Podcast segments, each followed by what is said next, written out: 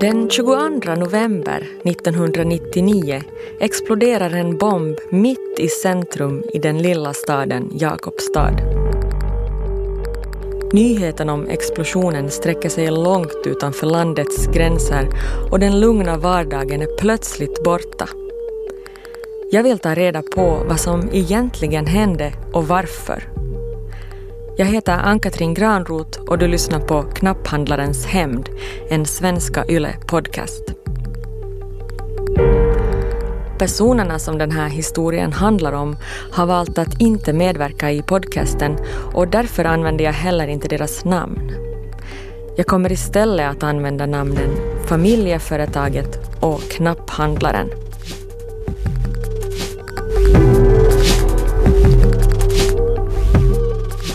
Och jag brukar alltid säga att skoj med det passagerare då de har så tung väskor. Har ni stenar eller dynamit i den? Det var tur att jag höll mun den gången eller jag vet inte. Nu tänk, funderar jag ju många gånger att hatar man någon så mycket att man skulle döda andra också. Det kan man inte förstå.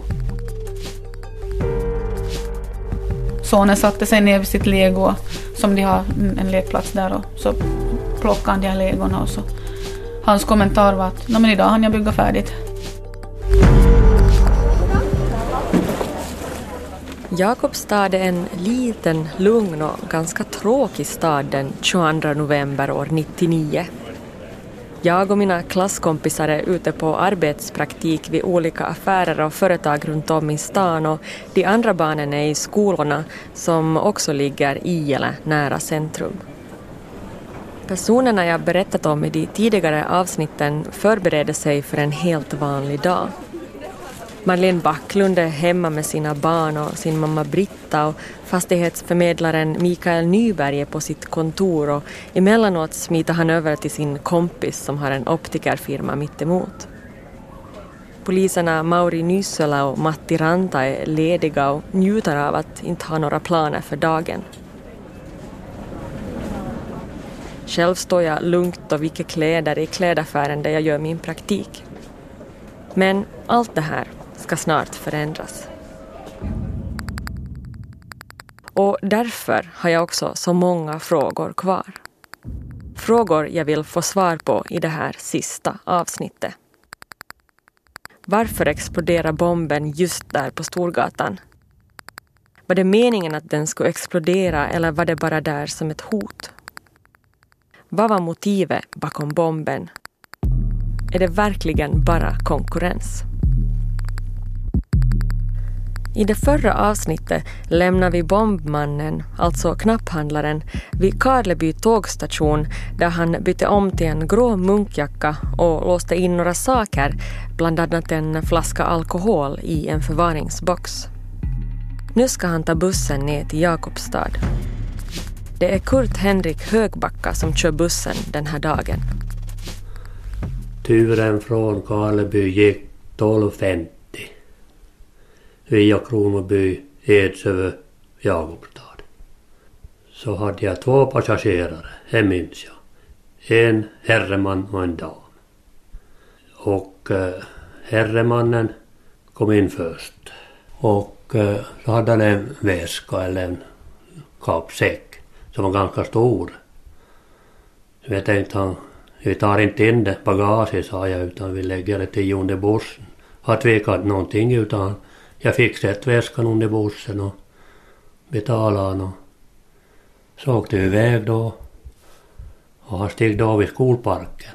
Och jag släppte honom och gav kappsäcken och han gick iväg till, mot parken. Och jag brukar alltid säga att skoj med det passagerare då de har så tung väskor. Har ni stenar eller dynamit i den? Det var tur att jag höll mun den gången eller jag vet inte. Vad skulle du ha tänkt att han, att han var där för? Vad, vet du, att han, jag trodde han var affärsman. Trodde jag. Det såg ut som en affärsman i alla fall. är det. Det minns jag. Jag tänkte han skulle sälja någonting säkert eller någonting. Inte tänker man på det där. Men, men vad skulle inträffa om jag skulle ha sagt om det stenar eller dynamit i väskan? Då skulle nog bli reaktion tror jag. Men jag sa ju inte. Ja, hade någonting hänt om Kurt Henrik frågat det där? Det får vi aldrig veta. Men hittills har historien vittnat om en man som är fast besluten att placera en bomb någonstans vid konkurrentens kontor. Han har åkt tåg i flera dagar och haft gott om tid att ändra sig. Och han har träffat flera olika människor under sin resa. Och alla säger samma sak. Det här var en artig och lugn man och ingen märkte att något var fel. Så när han kommer fram till Jakobstad stiger han av Kurt Henriks buss och går in mot centrum. Men härifrån och framåt är det ganska oklart om vad som egentligen händer. Det enda polisen är säker på är att explosionen är ett brott. Motivet tycks vara hämnd. Men varför exploderar bomben mitt på gatan? Polisen har fortfarande inga exakta svar på vad som hände. Vi hör kriminalkommissarie Esa Uusikakkuri. Det var ungefär 50 meter kvar till den där adressen där han hade tillbehörsaffär ha sina utrymmen. Och enligt de uppgifter vi, vi fick fram har han varit i ingången en byggnad bredvid. Och troligtvis så har han lagt den här bomben i, i väskan färdig där. Och så har han kommit ut från den här ingången och han tog bara några steg mot byggnaden då den exploderade. Esa berättar att hemgjorda bomber är väldigt ostabila. Så det är egentligen inte så konstigt att något gick fel. När polisen lyckas hitta förvaringsboxen som knapphandlaren använt i Karleby utrymmer de hela stationen. Men de hittar inga sprängämnen eller något annat som kan knyta honom till bomben. Så varifrån har han då fått den? Taxichauffören som kör honom från hotellet i Kempele till busstationen i Uleåborg säger att eh, han ville bli avsläppt vid fraktsidan eftersom han skulle plocka upp ett paket. Var det bomben? Sanningen är att ingen vet. Polisen får aldrig reda på var han plockat upp den eller var han gjort den. Vi hör kriminalkommissarie Jari Neulaniemi. Mä nyt puhuisin räjähdyksestä enemmänkin, jotta siis mitä tarkoitetaan pommilla. Niin Jag pratar hellre om en explosion, för vad är en bomb? En explosion kan ske utan en bomb, säger Jari Neulaniemi. Det kan vara förångad bensin eller stubintråd och dynamit. De här ämnena kan man få varifrån som helst och sen kan man kombinera dem. Jag frågar om knapphandlaren kan ha haft med dynamit genom hela Europa och sen köpt stubintråd och bensin. Nu är det möjligt. Kyllä se mahdollista Mm. No se on se perinteisesti Suomessa historiassa varmaan yleisin tapa ollut maallikon tehdä räjähde, jotta siinä on tulilankanalli ja dynamiitti. Det är den typiska finska bomben, säger Jari. Stubintråd och dynamit. Och den kan man göra snabbt också. Det är alltså möjligt att han satt ihop den först i Karleby eller Jakobstad. Jag tittar igenom laboratorierapporten tillsammans med Jari och vi ser att det finns spår av ämnen som kan kombineras ihop till en bomb på platsen. Försvarsmaktens sprängexpert kommer senare fram till att knapphandlaren har lagt fast en stubintråd på en metalldunk som innehåller en brännbar vätska. När han viker in på Storgatan går han in i första bästa trapphus som råkar vara Storgatan 18 där bland annat Mikael Nyberg har kontor. Där tänder han stubintråden och den har han för säkerhets skull gjort extra lång så att han ska hinna bära den till konkurrentens kontor och själv ha tid att komma undan. Polisens teori är att när han sätter bomben med den brinnande stubinen i sin väska förgasas vätskan i värmen och tänds. Vi har en explosion. Men då återstår fortfarande frågan varför.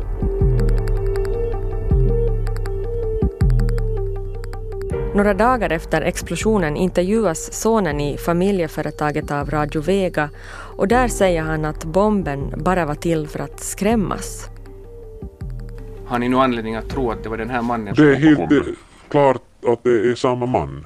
För att eh, i den här mannens ficka så hittades en fortsättning på hotelsebrev. Det var nästa hotelsebrev som han hade med sig. Så det var ju inte meningen att den här bomben eller eh, sprängladdningen skulle detonera. Det var meningen att den skulle placeras utanför här som ett ytterligare hot på att vi ska avsluta vår partiverksamhet. Kriminalkommissarie Esa Uusikakkuri är övertygad om att bomben inte bara var där som ett hot eftersom den var så kraftig.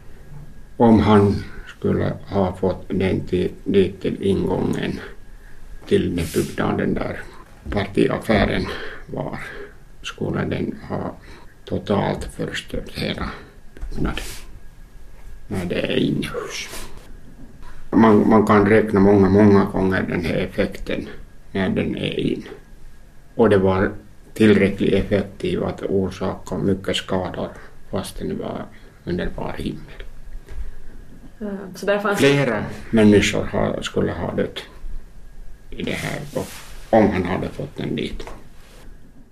Men inga andra än knapphandlaren dör. Alla jag pratar med är förundrade över det här. Också fastighetsförmedlaren Mikael Nyberg, som antagligen bara var några sekunder från döden eller en allvarlig skada. Att, men att det som jag liksom tycker själv så här efteråt är ju det att eh, det här fantastiska just med att, att ingen kom till skada egentligen annan än gärningsmannen. Så att eh, det har varit någon form av änglavakt säkert för, för alla, alla som var nära. Så är det nog bara. Bomben exploderar kvart över två på dagen. Precis då många skolor slutar för dagen och centrum fylls av barn. Men just idag rör sig inte så många barn i stan och ingen blir skadad. Men många ser vad som händer. Och konstigt nog eh, är det många gamla knapphandlare som råkar vara på plats. Vi hör Marlene Backlund som själv också sålde sytillbehör för familjeföretaget på 80-talet. Det som jag tycker är ironiskt nu efteråt, när jag tänker på det så, i och med att jag hade jobbat den här och sen hade jag då konkurrerat med den här killen indirekt. Och så vad jag förstått var det flera andra knappförsäljare som var på Storgatan. Att vi skulle vara där och bevittna vad konkurrens leder till. Så det kan jag tycka att liksom är lite ironiskt. För vi var flera som ändå hade jobbat inom samma bransch. Så det var ändå meningen att man skulle vara där den dagen. Flera gamla knapphandlare råkar alltså befinna sig i närheten när bomben exploderar.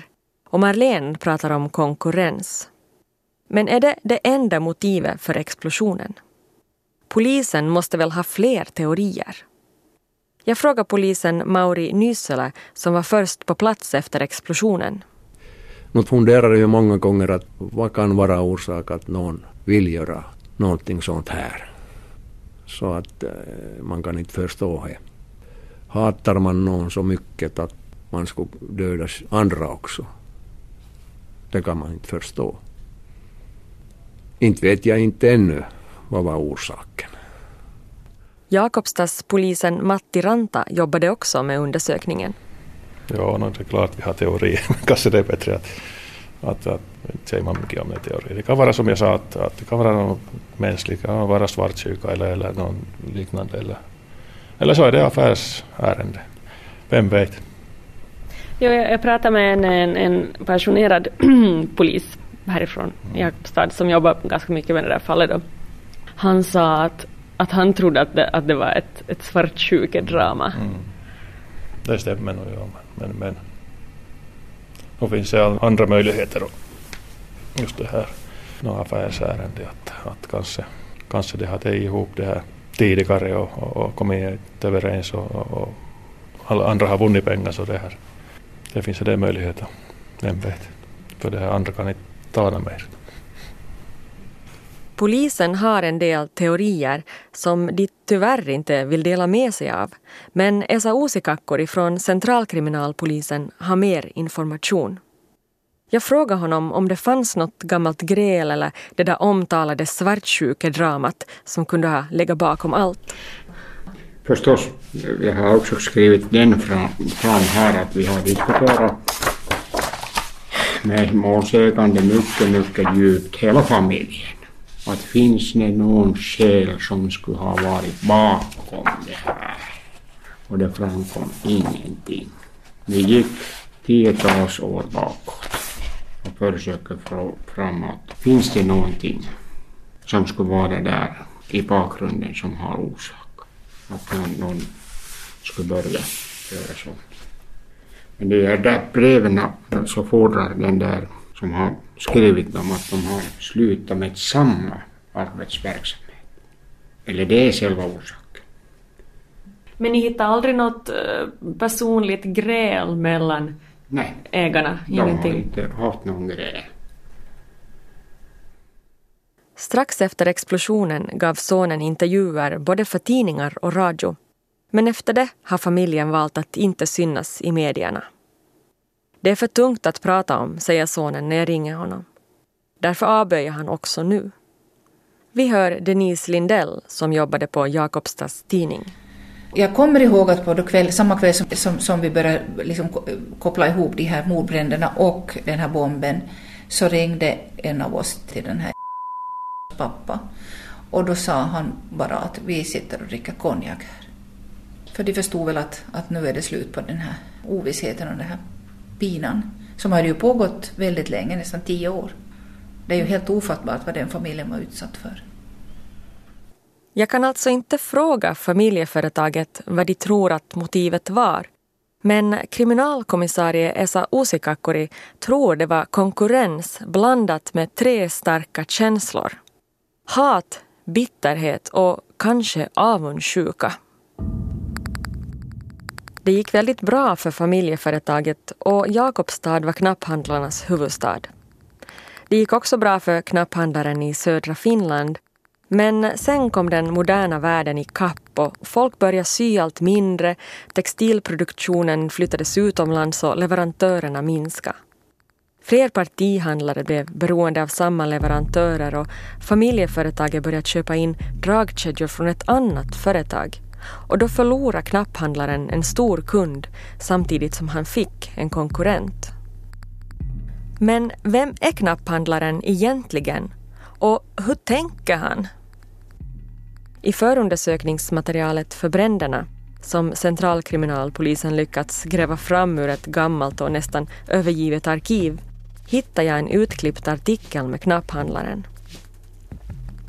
Den är från 1982 och redan där verkar han mycket bekymrad över konkurrensen. På frågan vad han skulle göra om han fick bestämma i Finland svarar han att han skulle begränsa importen av dragkedjor. Det är ett överutbud, säger han. Idag finns både Jakobstadsföretaget och knapphandlarens företag kvar.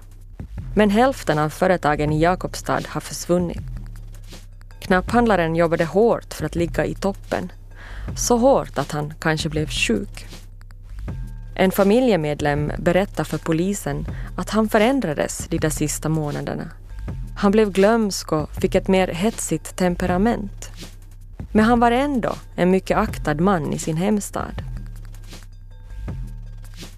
Det finns många som gjort affärer med honom i flera år och alla säger samma sak. De kan inte tro att det är han som är skyldig till det här. Det går inte ihop. Vesa Heino, som tidigare jobbade på ett sytillbehörsföretag i Tammerfors, träffade honom flera gånger. Och så här berättar han. No hänhän oli oikeastaan, voisi kuvailla niin, että semmoinen vanhan ajan herrasmies, hyvin hyväkäytöksinen. Han var en gammaldags gentleman som var artig och bra med kunder. Han var en behaglig man som tydligen hade något slags problem. Ei nyt häiritsevässä määrin tämmöisissä normaalitapauksissa, mutta, mutta semmoinen mielipiteiltään jyrkkä. Han var envis, men jag kände honom inte så bra. Men vi träffades ibland och pratade mest om jobbrelaterade ämnen. Jag fick aldrig bilden av att han skulle ha varit en bombman. Ei mulla niin kuin semmoinen pommittajan mielikuva hänestä jäänyt. En av knapphandlarens gamla kunder i Karleby kallas också in på förhör. Också hon är chockad över att det är han som ligger bakom bomben. Hon berättar att han alltid var trevlig och artig och bra med kundbetjäning. Ibland försökte han till och med för mycket, säger hon. Han skröt gärna om sitt företag och sin familj. Han var mycket pratsam men hon kommer inte ihåg att han någonsin skulle ha pratat illa om någon. När knapphandlarens namn kommer ut i medierna är precis alla överraskade. Vesa Heino säger att stämningen i branschen efter explosionen var lite förvirrad. Han kände sympati gentemot knapphandlarens familj som hamnade i en mycket svår situation. Men han kände också sympati mot familjeföretaget som blivit utsatt för ett så här stort hot. Marlene Backlund, som själv jobbat som knapphandlare och som råkade befinna sig i närheten när bomben exploderade, tänkte efteråt mycket på knapphandlaren och hans familj.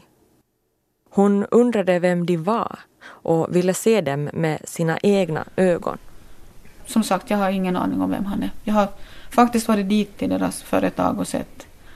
Det var liksom bara för att jag ville säkerställa mig om att de var en normal familj. Så jag träffade dem. Men de vet inte om att jag var där. Och jag, hade, jag tänkte jag skulle berätta det men jag klarade inte av det.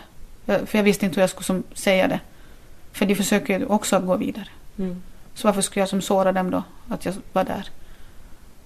Om de hör det här så vet de ju men, men det är ju som snart tio år sedan jag var, sen jag var dit och hälsade på. Mm. Ja, det är lika synd om dem. Om inte mera. De har ju en dubbelsorg. Mm. Först miste de sin pappa och sen så ska de upptäcka en person som inte visste att existera. Vi ska ta oss tillbaka till Jakobstad. Strax efter explosionen befinner sig staden i ett chocktillstånd. Men tre dagar efteråt kan en del affärer öppna igen. Fönster och väggar är tillfälligt lappade och en del företagare går omkring med arbetshandskar när de försöker få någon sorts ordning i röran. Utomhus tas det sista splittret bort och gatan spolas ren. Spåren efter bomben finns ändå länge kvar. En del syns fortfarande idag och fastighetsförmedlaren Mikael Nyberg som hade kontor precis där bomben detonerade visade dem för mig. Det är inte så stort men, men det, det är ju lite... Men, men ser du här? Här har, det ja. slått, här har det slått ut.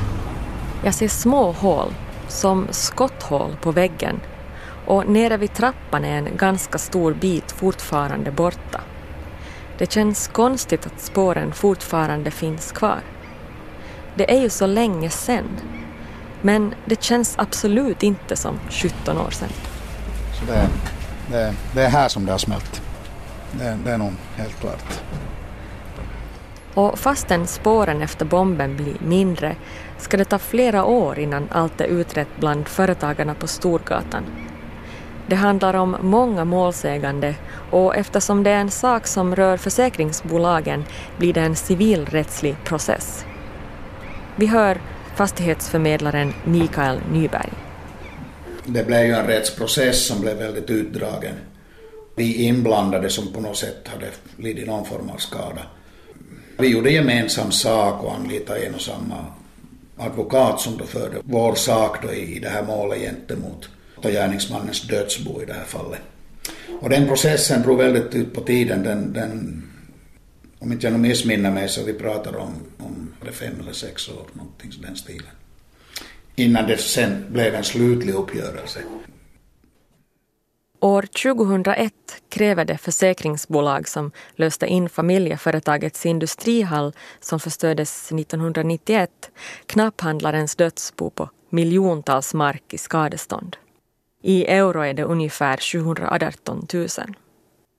Dödsboet krävs också på ungefär 300 000 euro för skadorna som bomben orsakade på Storgatan.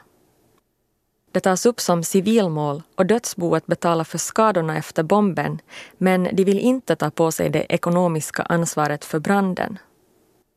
Men i november 2003 fastslår ändå tingsrätten att knapphandlaren är skyldig för bränderna och familjeföretagets försäkringsbolag får runt 260 000 euro. Rätten anser att skadorna i hallen inte uppgick till så höga summor som försäkringsbolaget vill ha, alltså 718 000, och därför minskas summan rejält. Dödsboets advokat tycker det är mycket märkligt att domen blir som den blir. Han poängterar också att centralkriminalpolisen faktiskt slarvat bort ett gammalt förhör med knapphandlaren från början av 90-talet. Och när jag hör det här blir jag ju väldigt förvånad. Hur kan man slarva bort ett förhör? Dessutom ska det här ha varit första gången det hände i centralkriminalpolisens historia. Jag ringer kriminalkommissarie Esa Uusikakkuri. Den där undersökaren som har varit och tilltalat honom i början av 90-talet så bytte arbetsplatsen och flyttade till lokalpolisen i södra Finland och då har han städat sin arbetsbord. CKP och, och det där möjligtvis det där memoaren försvann i samband med den städningsarbetet. Papprena försvinner alltså när polisen som skrivit dem flyttar över till en annan enhet. Esa har för sig att den här polisen dessutom träffade knapphandlaren två gånger. Men båda samtalen är försvunna. Esa poängterar här att det är fel att säga förhör eftersom det bara var ett samtal som de gjorde med många aktörer inom branschen just då. Försvunnet är det ju hur som helst. Men Esa tror inte att dokumentet hade påverkat domslutet. Det fanns tillräckligt med bevis för domen ändå. Knapphandlaren är starkt misstänkt för bränderna eftersom han bland annat rört sig vid de ställen där tändningsvätskorna blivit sålda. Efter explosionen, när centralkriminalpolisen går igenom knapphandlarens gamla inköp, kan de se att han tankat på den bensinstation där bränslet för en av bränderna är inköpt. Esa var där på 90-talet, men då fann han ingenting. Nu blir det här ett bevis på att knapphandlaren varit där. För när de ser på datumet kan de konstatera att det är dagen före den andra branden. Esa letar efter någon som köpt ungefär 10 liter bensin, men knapphandlaren har köpt mycket mer, så mängden stämmer inte. Men så finns ju också breven, där många saker pekar på att det är knapphandlaren som skrivit dem allihop. De är alla skrivna i samma stil och med samma skrivmaskin. Och i flera brev nämns en bomb och att bombdådet ska ske mitt på dagen. Inför rättegången hänvisar också försäkringsbolaget till en del information som nu kommit fram om knapphandlaren. Till exempel visade det sig att han var utomlands under tiden för den första branden. Men när man ser mer noggrant på hur han rest kommer ett bekant mönster fram. Han har tagit båt till Tyskland, sen bott på olika hotell i fyra dagar för att sen vara inskriven på ett och samma hotell i åtta dagar. Och det hotellet finns i, just det, Österrike.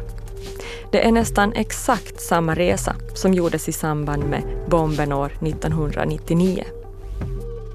När den andra branden sker befinner han sig på affärsresa i norra Finland och kvitton visar också att han tankat där. Alltså på samma ställe där bränslet för branden köptes. Jag har fått tag på förundersökningen för bränderna och kan se att han köpt 48 liter bensin i Keminmaa på kvällen den 14 januari 1991, alltså dagen före branden. Försäkringsbolaget hänvisar till olika kvitton och enligt dem ska knapphandlaren haft tillräckligt mycket tid på sig att anlägga branden i Jakobstad och obemärkt åka tillbaka till norra Finland.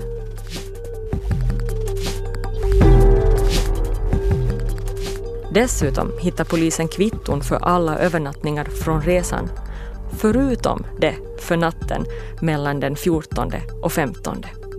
Så ingen vet alltså var han var natten när familjeföretagets industrihall brann. Rätten konstaterar att motivet för dåden är ett djupt hat som bland annat kommer från en hård konkurrens. Tillvägagångssätten både vid bränderna och bombdådet visar också på en långsiktig och noggrant uträknad plan för dåden. Men kriminalkommissarie Esa Uusikakuri poängterar att vi ändå inte kan fälla knapphandlaren för något brott eftersom han inte kan försvara sig. Han är kraftigt misstänkt men eftersom polisen aldrig kunde förhöra honom kan de inte vara hundra procent säkra på att det var han som gjorde det. Förstås, man kunde inte säga att han är skyldig, men, men det fanns tillräckliga bevis att de gjorde den där beslut som de gjorde i rättegången i civilmål. Och civilmål är eh, eh, lite annorlunda än brottsmål med behandlingsordning och det, det var som krävs att man kan göra sådant beslut. Det finns en bokserie som heter Polisi i Kerto eller Nordisk kriminalkrönika på svenska. Och där har kriminalkommissarie Esa Uusikakkuri bidragit med en text om bomben och bränderna. Han skriver att i efterhand kan man se att polisen faktiskt missade en del spår i sin undersökning. Knapphandlaren var välkänd bland andra företagare och han kunde branschen väl. Han visste namn och smeknamn på folk, precis de namn som nämns i breven. Det dyker upp många olika namn men inte en endaste gång figurerar knapphandlaren själv i breven. Det är ju inget bevis för att det är han som skrivit dem men kanske skulle det ha gett polisen en knuff i rätt riktning. Esa Uusikakkuri sitter och läser i texten han skrivit för den nordiska kriminalkrönikan och jag vill ju inte verka tjatig men jag bara måste fråga honom om motivet igen. Läs den där så. Just det, finns inte logik. Känns det har man lärt när jag nu ungefär 40 år undersökt brott. Att allra värsta brott kan hända och den här orsaken kan vara minimal. Lite senare ringer jag upp Esa igen och fortsätter diskussionen kring motivet. Hur kan konkurrens vara ett tillräckligt starkt motiv för att döda någon annan? Känslor är starka, säger han. En sak som är obetydlig för en kan få någon annan att döda. Han jämför det med till exempel gränsgräl i Österbotten. Det är inget särskilt om den där rajan går eh, fem centimeter annan eller annan sida. Men där finns också sådana att man har gjort, gjort hemska saker när man har grälat var gränsen går. Då sa du när vi pratade sist att, att, att vissa brott så, så finns det helt enkelt inte logik i... Jo, det, det är där att man, man alltid när man, man till exempel tittar TV och det här kriminalserier som kommer, det finns alltid någon logik som är där bakgrunden men i, i vanliga fallet och vanliga livet så den här logiken saknas många gånger. Och det, det är sådana känslor som, som är kanske på ytan och man har mycket känsla i saken så, så det kan orsaka mycket, mycket hemska saker. Det, det menar jag att det behöver inte logik.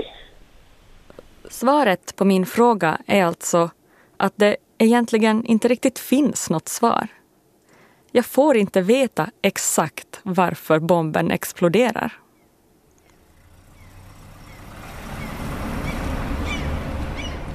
Vi ska ta oss tillbaka till Jakobstad en sista gång.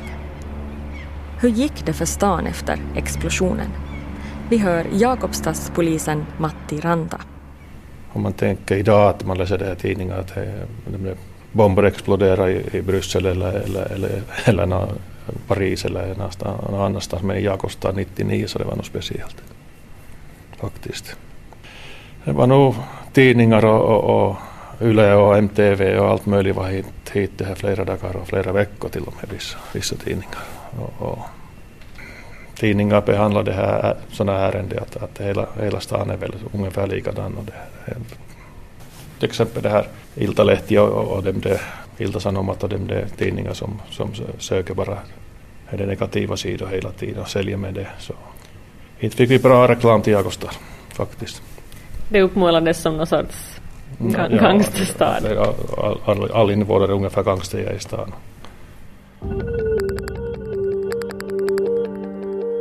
Utifrån ser man alltså på Jakobstad som en vild stad, kanske till och med lite farlig. Men hur gick det då för Jakobstadsborna själva? Jo, det gick bra. Spåren sopades igen och för en del tog det flera månader att komma över det de sett, medan andra, som till exempel fastighetsförmedlaren Mikael Nyberg, snabbt kunde gå vidare. Många frågar mig hur jag sov följande natt. Jag sov jättebra faktiskt, konstigt nog. Men på morgonen, så där helt oanmält, så, så kunde jag inte hålla i min kaffekopp. Det var helt omöjligt. Det, det gick inte bara, det, det bara darrade och, och hela, hela kroppen började bara darra. Och jag reagerade själv så här att, men är det så här? Och det där, det där liksom pågick en, en stund. Och sen på något sätt fick, tog jag mig samman och drack, drack mitt morgonkaffe. Men det är egentligen den enda, enda konkreta reaktionen som jag, som jag har upplevt. Pratar ni någonsin då, ni företagare ihop som hade, som hade råkat liksom illa ut av den här? Jo då, visst ja. Jo, jo. Ja, vi, naturligtvis, vi, vi pratar ju om det som är. Och alla hade ju sin personliga berättelse. Det var viktigt att prata med de här andra företagarna här på Storgatan som, som hade blivit drabbade. Marlene Backlund hade det svårt i början eftersom hon kände att hon inte fick den hjälp hon behövde. Istället fick hon en självhjälpsbroschyr på posten. När hon ringer sjukhuset och frågar om krishjälp får hon istället frågan om hon kan agera stödperson åt en annan person som är väldigt chockad. Alltså jag, jag blev förbannad då när de frågade om jag kommer och ställer upp som krisperson. Eftersom jag själv upplevde att det var jag som behövde få hjälp. Sen när jag tänkte på det så tänkte jag men det här var ju också en ovan situation för dem. Och när jag fick den här broschyren så kände jag mig lite förolämpad. Men så tyckte jag men jag har en så bra pappa. Och han hade ju varit med. Så vi bearbetade då sinsemellan. Inte vet jag, man försöker få vardagen att gå vidare. Jag minns att Öström, hade, pappa hade ju varit dit och hämtat sina glasögon en vecka senare och så smällde det ju på nytt då när de höll på och det här sprängde. Då sa Öström att vi måste komma dit så att inte vi får trauma. Och då var vi dit och kramade om Kaj Öström och den här tjejen som jobbar där och gick igenom situationen och sonen satte sig ner vid sitt lego som de har mm, en lekplats där och så plockade han de här legorna och så hans kommentar var att men idag hann jag bygga färdigt. Så att liksom vi försökte väl att se det här ljuset i någonting. De fortsatte alltså att spränga vid ett bygge i närheten och att uppleva det här hjälpte. Ett telefonsamtal hjälpte också Marlene att gå vidare. Jag tror att det var en måndag som det hände och på torsdag så ringde kriminalen för då hade jag råkat höra på nyheter vart bomben var på väg. Och så berättade den här kriminalen, det här stod jag bredvid och, och det här Han liksom tycker på ett sätt att Gud skipar rättvisa. Och han sa att Han människor som mår dåligt tog bort och resten blev skona. Och jag tyckte det var ganska vackert sagt. Och sen så, så, så berättades att statistiskt så ska inte hända till det på 80 år framåt. Och det var, det var vad som räckte för mig. Och precis som för Marlene så fortsatte också vardagen för resten av stan. Som jag nämnde i det första avsnittet var hela min klass på arbetspraktik runt om i centrum och jag befann mig endast ett hus ifrån explosionen. En del av mina klasskompisar var ännu närmare bomben än jag själv men genom att prata igenom allt gång på gång och slaviskt följa med mediernas rapportering kunde vi snart lämna det bakom oss och gå vidare. Under tiden som jag jobbat med den här podcasten har jag träffat många olika människor som har en koppling till explosionen och jag har också pratat om projektet med många som bodde i Jakobstad när det hände. De har alla en sak gemensamt. De minns exakt vad de var när de hörde och kände explosionen eller när de fick höra om vad som hänt. Många har också olika versioner av vad som hände och varför och såklart en massa frågor och funderingar. Så jag hoppas den här serien har gett svar på åtminstone en del av dem.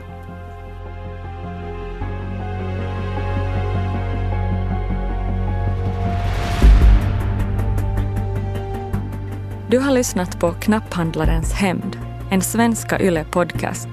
Och jag heter Ann-Katrin Granroth. Den här seriens ljuddesign är gjord av Jyrki Häyrinen och producent är Hasse Sundqvist.